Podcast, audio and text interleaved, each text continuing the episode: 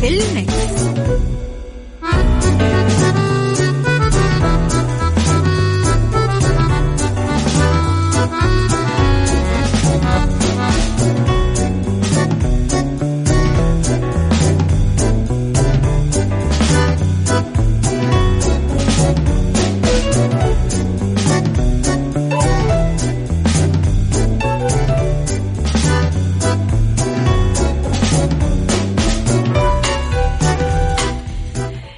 لي صباحكم ويا أهلا وسهلا فيكم على إذاعة Mix FM في عيشها صح من الأحد للخميس من عشرة الصباح إلى واحدة الظهر كل يوم.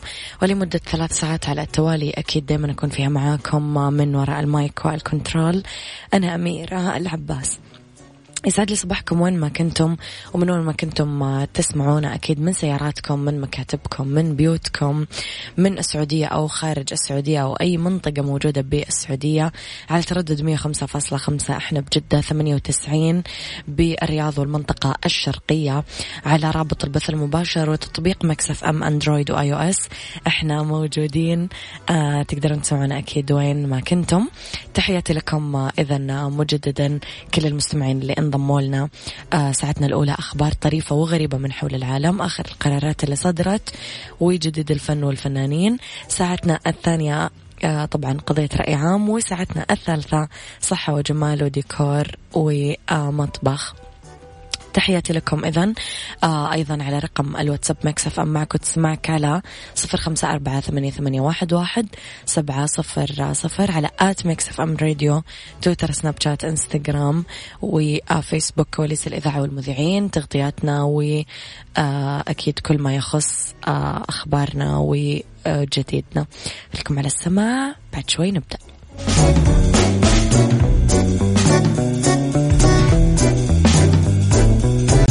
عيشها صح مع أميرة العباس على مكتف أم مكتف أم هي كلها في المكس.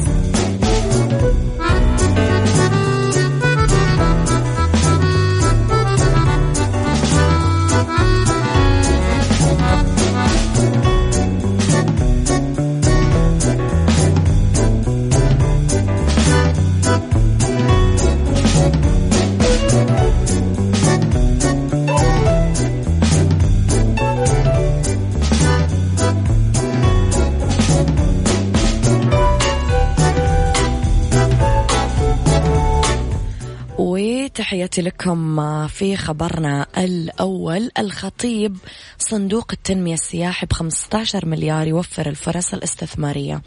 أكد وزير السياحة أحمد الخطيب أنه آه، صدور قرار مجلس الوزراء بالموافقة على نظام صندوق التنمية السياحي برأس مال 15 مليار ريال من أهم الخطوات اللي اتخذتها المملكة أخيرا لدعم القطاع السياحي مشيرا إلى أن الصندوق يهدف إلى تحفيز صناعة السياحة تنويع مصادر الدخل الوطني توفير المزيد من الفرص الاستثمارية الجاذبة للمستثمرين من داخل المملكة وخارجها.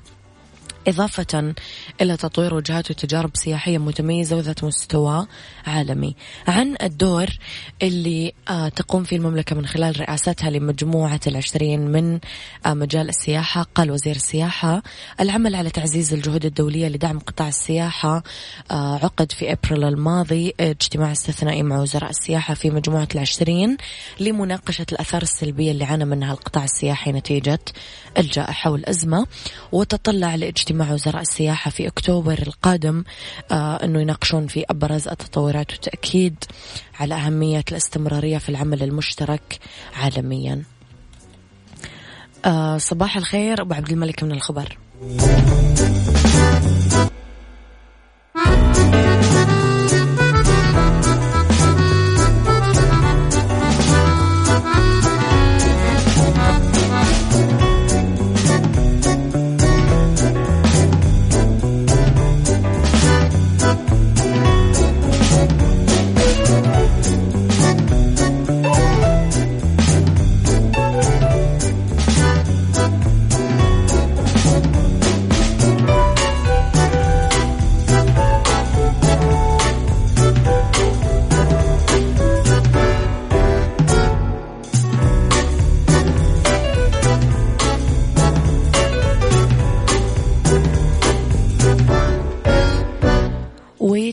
لكم مرة جديدة آه في آه okay خليني أصبح على يوسف يعقوب خان.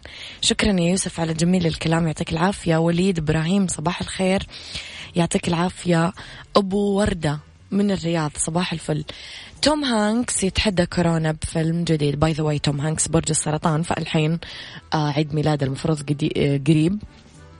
يشعر الممثل الأمريكي توم هانكس أنه قلبه منفطر لأنه ما انطلقت عروض فيلم الجديد عن الحرب العالمية الثانية في الصالات السينمائية بسبب كورونا كوفيد 19 بس يأمل أنه يكون هذا العمل بمثابة آه، أمثولة للمشاهدين تصلح للمعركة ضد جائحة كوفيد 19 وكيفية التعامل مع العدوان حتى لو كان صادر عن فيروس.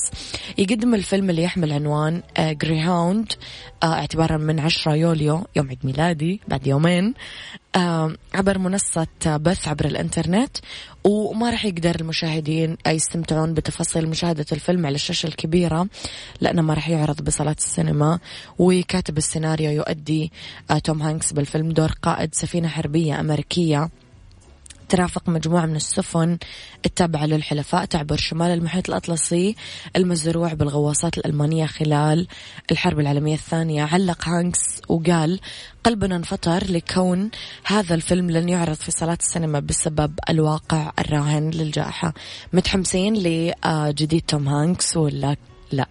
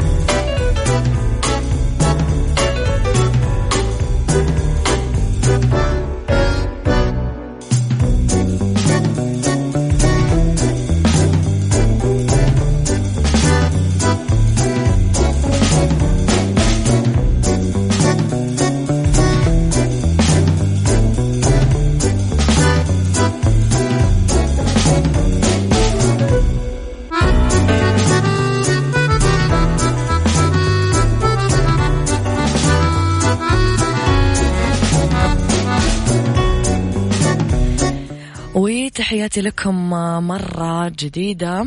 آه إلى خبرنا الثالث مشاهدة أفلام الكوارث تساعد على التأقلم الذهني مع الوباء. وفقا لدراسة جديدة أجريت مؤخرا ممكن تساعد مشاهدة أفلام الكوارث أو أفلام نهاية العالم الأشخاص على التكيف بشكل جديد مع جائحة كورونا. آه وقال الباحثين أنه الأفلام وحتى الكتب ممكن تساعد بالتكيف مع مواقف العالم الحقيقي وممكن أنها ترشد الناس للتخطيط لأفعالهم أو كيف ممكن تكون ردود أفعالهم بالمواقف الخطرة. آه كولتون آه سكريفنز طبيب نفساني متخصص بجامعة شيكاغو وقال إنه إذا كان الفيلم جيد فيجذب آه يجذبك له وممكن تتخيل نفسك مكان الشخصيات اللي تواجه المصاعب بالتالي تتعلم كيف تتعامل مع المواقف الصعبة عن غير قصد وبشكل غير مباشر. اكتشفت كمان الدراسة الجديدة اللي نشرت في دورية علمية كيف تساعدك مشاهدة أفلام الكوارث أنك تواجه أزمات صحية حقيقية أفلام الزومبي الخيال العلمي كيف يصير عندك مرونة أكثر للتعامل مع الجائحة. يا جماعة هي ناقصة أفلام فيها كوارث يعني اللي فينا كافينا خلونا بس ساكتين.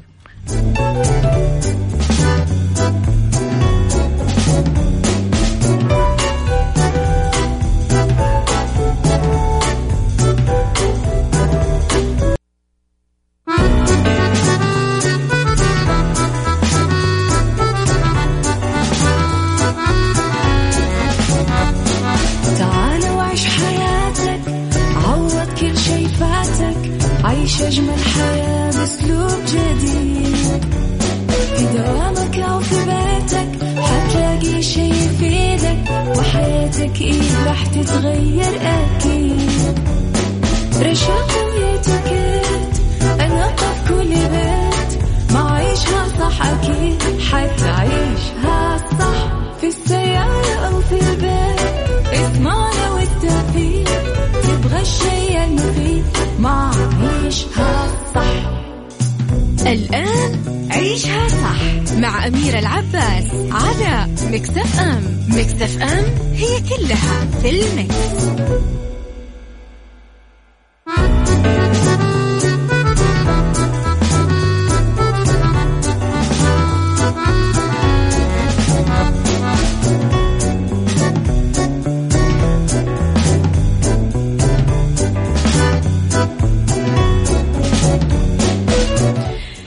صباح الخير والورد والجمال والرضا والسعادة وكل الأشياء الحلوة اللي تشبهكم لحالكم تحياتي لكم وين ما كنتم تسمعوني تحياتي لكم على تردد 105.5 جدة والمنطقة الشرقية والرياض 98 على رابط البث المباشر وتطبيق Mix FM على Android و iOS.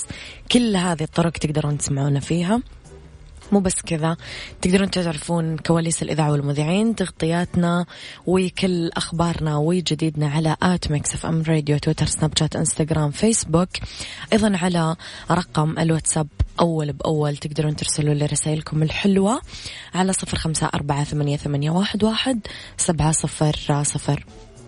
بساعة اختلاف الرأي لا يفسد للود قضية لولا اختلاف الأذواق أكيد لبارت السلع توضع مواضيعنا يوميا على الطاولة بعيوبها ومزاياها بسلبياتها وإيجابياتها بسيئاتها وحسناتها. تكونون أنتم الحكم الأول والأخير بالموضوع. وبنهاية الحلقة نحاول أننا نصل لحل العقدة ولمربط الفرس. خليكم على السماع بعد شوي نبدأ.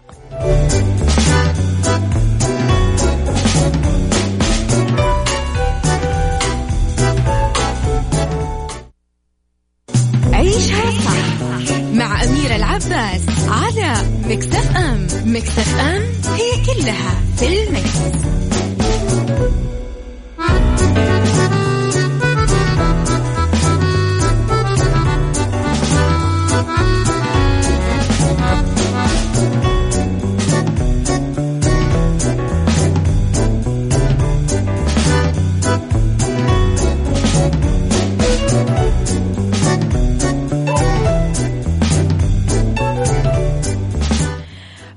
أنا وياكم نناقش جملة يعني ما أعرف كيف ممكن لازم أوصفها. أنا صريح وما أجامل. نواجه بحياتنا هذاك الشخص اللي يعامل الكل بطريقة سيئة يتكلم معهم زي ما يبي مهما كان الكلام جارح. من مبدأ أنا صريح وما أحب أجامل. كثير أصدقاء ومعارف وقرايب جرحوا بسبب طريقة يعني حديثهم أو الكلام اللي قاعدين يقولونه ممكن يوصل أسلوبهم لحد التنمر وكسر الخواطر وللأسف أكثر. خليني أسألكم يا جماعة قبل ما أبدأ أناقش الموضوع بعمق. إيش موقفكم من الشخص اللي يتكلم زي ما يبي مهما كان كلامه جارح ومؤذي وكل هذا بحجة أنا صريح وما أحب أجامل. هل أنتم من هذول الناس؟ لو أنتم مو من هذول الناس هل تتحملون هذول الناس وكيف تتعاملون معاهم اكتبوا لي رأيكم على صفر خمسة أربعة ثمانية, ثمانية واحد, واحد سبعة صفر صفر.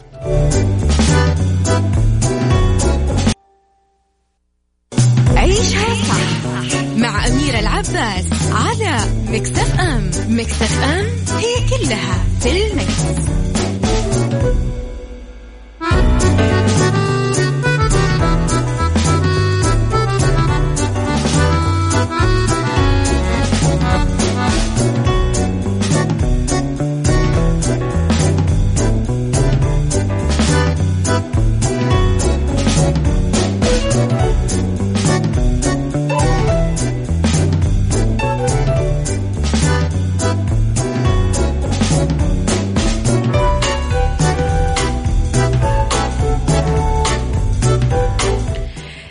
لكم مرة جديدة أحبتي بس أحب أقول لكم أنه إحنا ما نستقبل الرسائل الصوتية على واتساب بس الرسائل المكتوبة. فاكتبوا لي رأيكم كتابة. طب أبو عبد الملك يقول للأمانة كنت من النوع هذا was bad. للأسف يمكن كان عدم تفريق بين الصراحة والوقاحة. إلين ربي هداني وتعلمت الدبلوماسية واللباقة بالكلام. وأيضا أسلوب الساندويتش. برافو عليك أسلوب الساندويتش صحيح جدا.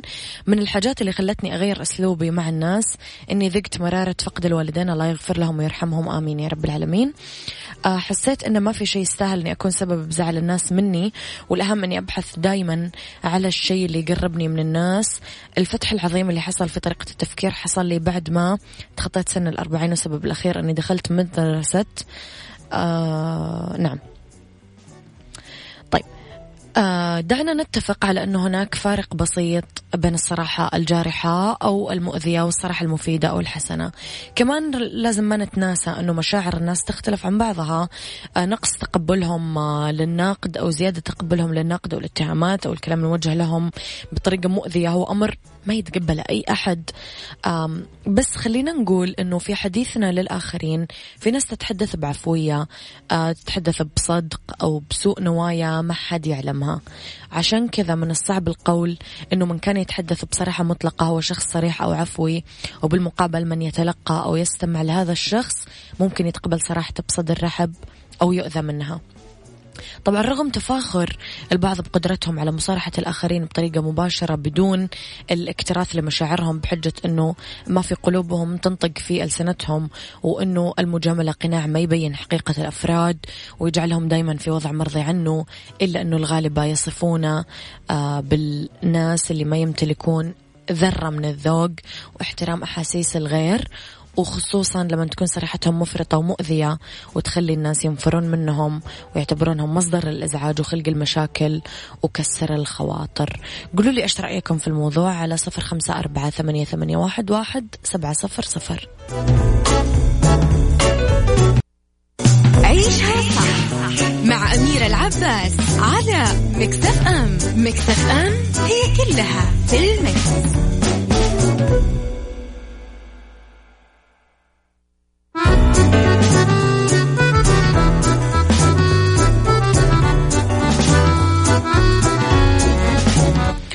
رح يتفق الكثير أنه الصراحة المفرطة ممكن تنبع أحيانا عن حسد غيرة حقد أو محاولة لإحباط الآخرين أو لإثبات شيء ما. دايما يدافع الشخص الصريح جدا عن نفسه ويقول أنه المجاملة قرينة الكذب وإحنا نقول له أنه إذا كان الكذب صفة مذمومة فالصراحة الزايدة كمان. مذمومة. الصدق مو مبرر أنه يتحول الشخص من شخص صريح لمؤذي شخص غير مبالي لمشاعر الآخرين. فالبعض لا يرى أنه الصراحة الزايدة عن الحد واللي توصل للتجريح عيب. المهم أنه ما يكذب حتى لو كانت هذه الصراحة سبب في تدمير نفسية الشخص وطموح إنسان أو منزل أو أسرة أو حياة بأكملها. أخيرا نقدر نقول أن المصارحة اللي يراد بها البناء أو الإحسان تتسم بالنصح والرأفة والمصارحة اللي يراد فيها الهدم أو الأذية تتسم أكيد بالتجريح والقسوة.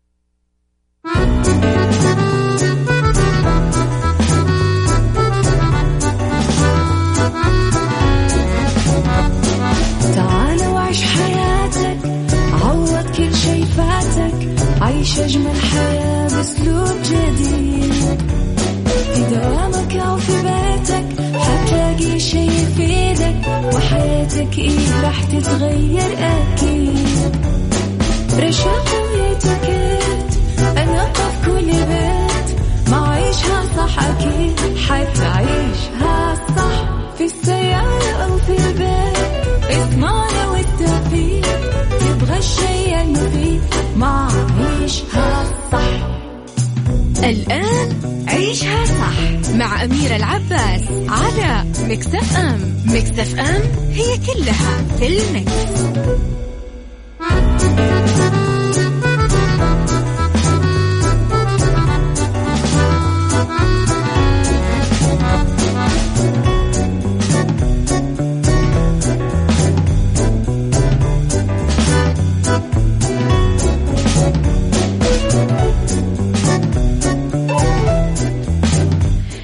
يسعد لي مساكم يا أهلا وسهلا فيكم على إذاعة ميكس اف ام. تحياتي لكم مرة جديدة من وراء ال mic وال control أميرة العباس أولى ساعات المساء آخر ساعات برنامج عيشها صح.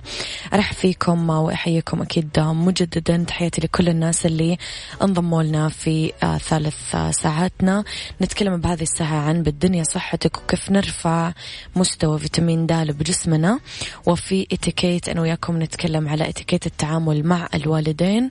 وفي ميكس كيتشن نتكلم على فطيرة التفاح السريعة. تحياتي لكل الناس اللي قاعدة تكتب لي رسائل حلوة في الواتساب.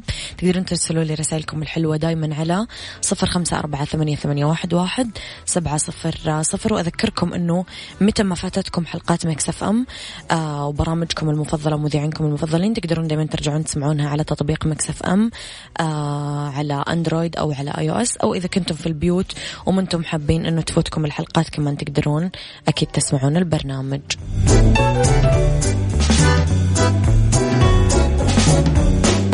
بالدنيا صحتك مع أميرة العباس في عيشها صح على ميكس اف ام ميكس اف ام it's all in the mix.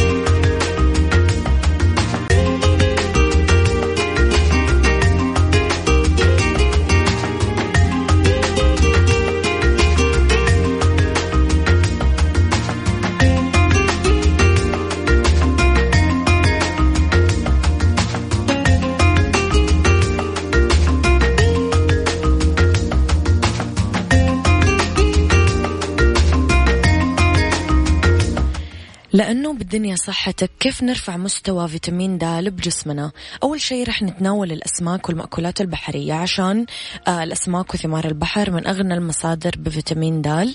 لذلك آه ننصحكم بإدراج التونة السردين المحار الجمبري إلى مائدتنا على الأقل مرتين في الأسبوع. نفكر بتناول الفطر لمحاربة نقص الفيتامين. آه، لأنه من الأطعمة الخارقة الغنية بفيتامين د لذلك نضيفه للائحة غذائنا اليومي سواء من خلال تزيين أطباق السلطة فيه أو الأطباق الأخرى أو المحضرة للعيلة.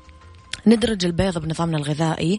يعتبر البيض آه، كمان مصدر مهم للبروتين ناهيك عن أهمية صفارة للحصول على جرعة مهمة من فيتامين د لأنه يحتوي صفار البيض على آه، نسبة عالية من الفيتامين. نتعرض لأشعة الشمس آه، فيتامين د كمان في كثير أشعة شمس فلازم نستفيد من الطقس الدافي للتعرض لهذه الأشعة لفترة وجيزة يوميا. بس من 12 ل 4 بعد الظهر هذه فترات الذروة فنبعد عنها. آه نستهلك بدائل الحليب لأنها مفيدة. ممكن تساعد بدائل الحليب حليب الصويا حليب اللوز. تحارب نقص الفيتامين أو ممكن نتوجه للأطعمة المدعمة بهذا الفيتامين من خلال آه قراءتنا أكيد للملصق الغذائي. لازم نحافظ على مستوى جيد من الفيتامين بجسمنا لأنه مهم كثير لكل العمليات الحيوية بالجسم ولحماية العظام طبعا. عيشها صح مع أميرة العباس على مكتف أم مكتف أم هي كلها في المكس.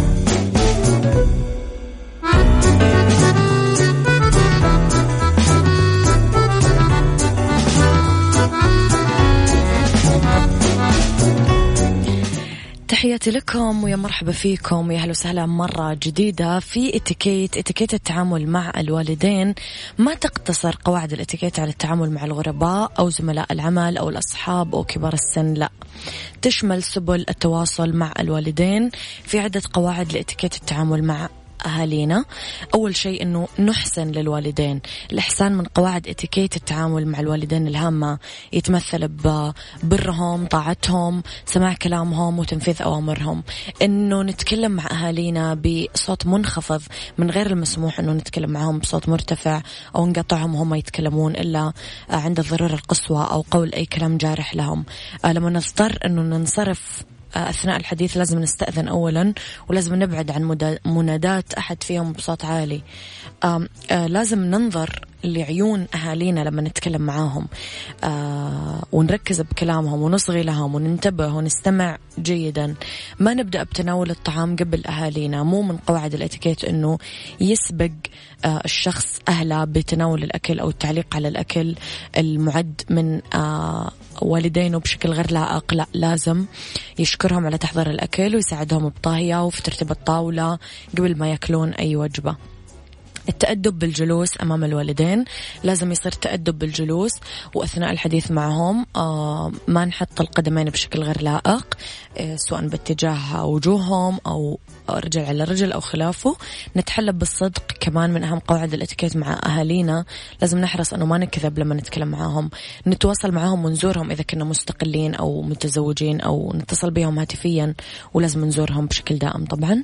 وآخر شيء إذا كانت الأم آه تنظف البيت فلازم نساعد الأم دايما بتنظيف البيت لأنه هذه من أهم قواعد الإتيكيت. ويا جماعة هذه مو بس من قواعد الإتيكيت كل ما سبق ذكره. هذه من قواعد البر. والبر اقترن برضا رب العالمين علينا وبتوفيقنا في حياتنا وبحب الناس لنا وبنجاحنا وبقبول الناس لنا. ف يعني رضا الوالدين ورضا الله والجنة. هذه من أهم القواعد قبل ما تكون من قواعد الإتيكيت يعني.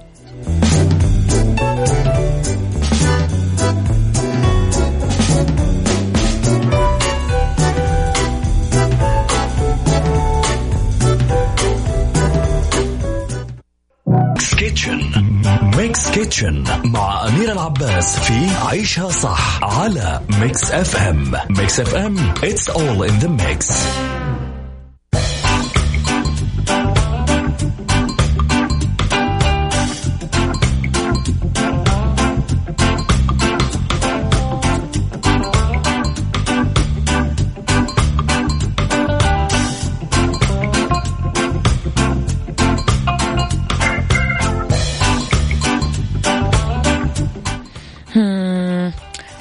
كيتشن ال apple pie السريعة أو فطيرة التفاح السريعة. مدة طهيها 60 دقيقة تكفي لست أشخاص. مقاديرها راح تكون عجينة ال puff pastry آه العبوة اللي فيها مربعات. آه التفاح راح يكون أربع حبات مقشرة ومفرومة مكعبات القرفة ملعقة صغيرة مطحونة. والجوز ربع كوب مفروم. السكر ملعقتين كبيرة. والبيض حبة مخفوقة مع ملعقة خل. الطريقة أننا راح نخلط التفاح مع القرفة والسكر والجوز بصحن ونتركه لمدة 15 دقيقة. نمد العجين شوي ونحط كمية مناسبة من حشوة التفاح ونغلق العجين على شكل مربع أو مثلث على حسب الرغبة. ندهن العجين بواسطة آه، فرشة بمزيج البيض. نحط الفطاير بصينية مبطنة بورق الزبدة. نحط الصينية على الفرن على حرارة 180 آه، آه، درجة لمدة 20 دقيقة لين تصير ذهبية. نقدمها دافية أو ساخنة جنب الآيس كريم أو صلصة الكراميل على حسب الرغبة. هي يعني صراحة صراحة صراحة أغششكم. هي تاخذ العقل مع الآيس كريم. يعني الصدق لازم تطلبونها مع آيس كريم تطلع أحلى.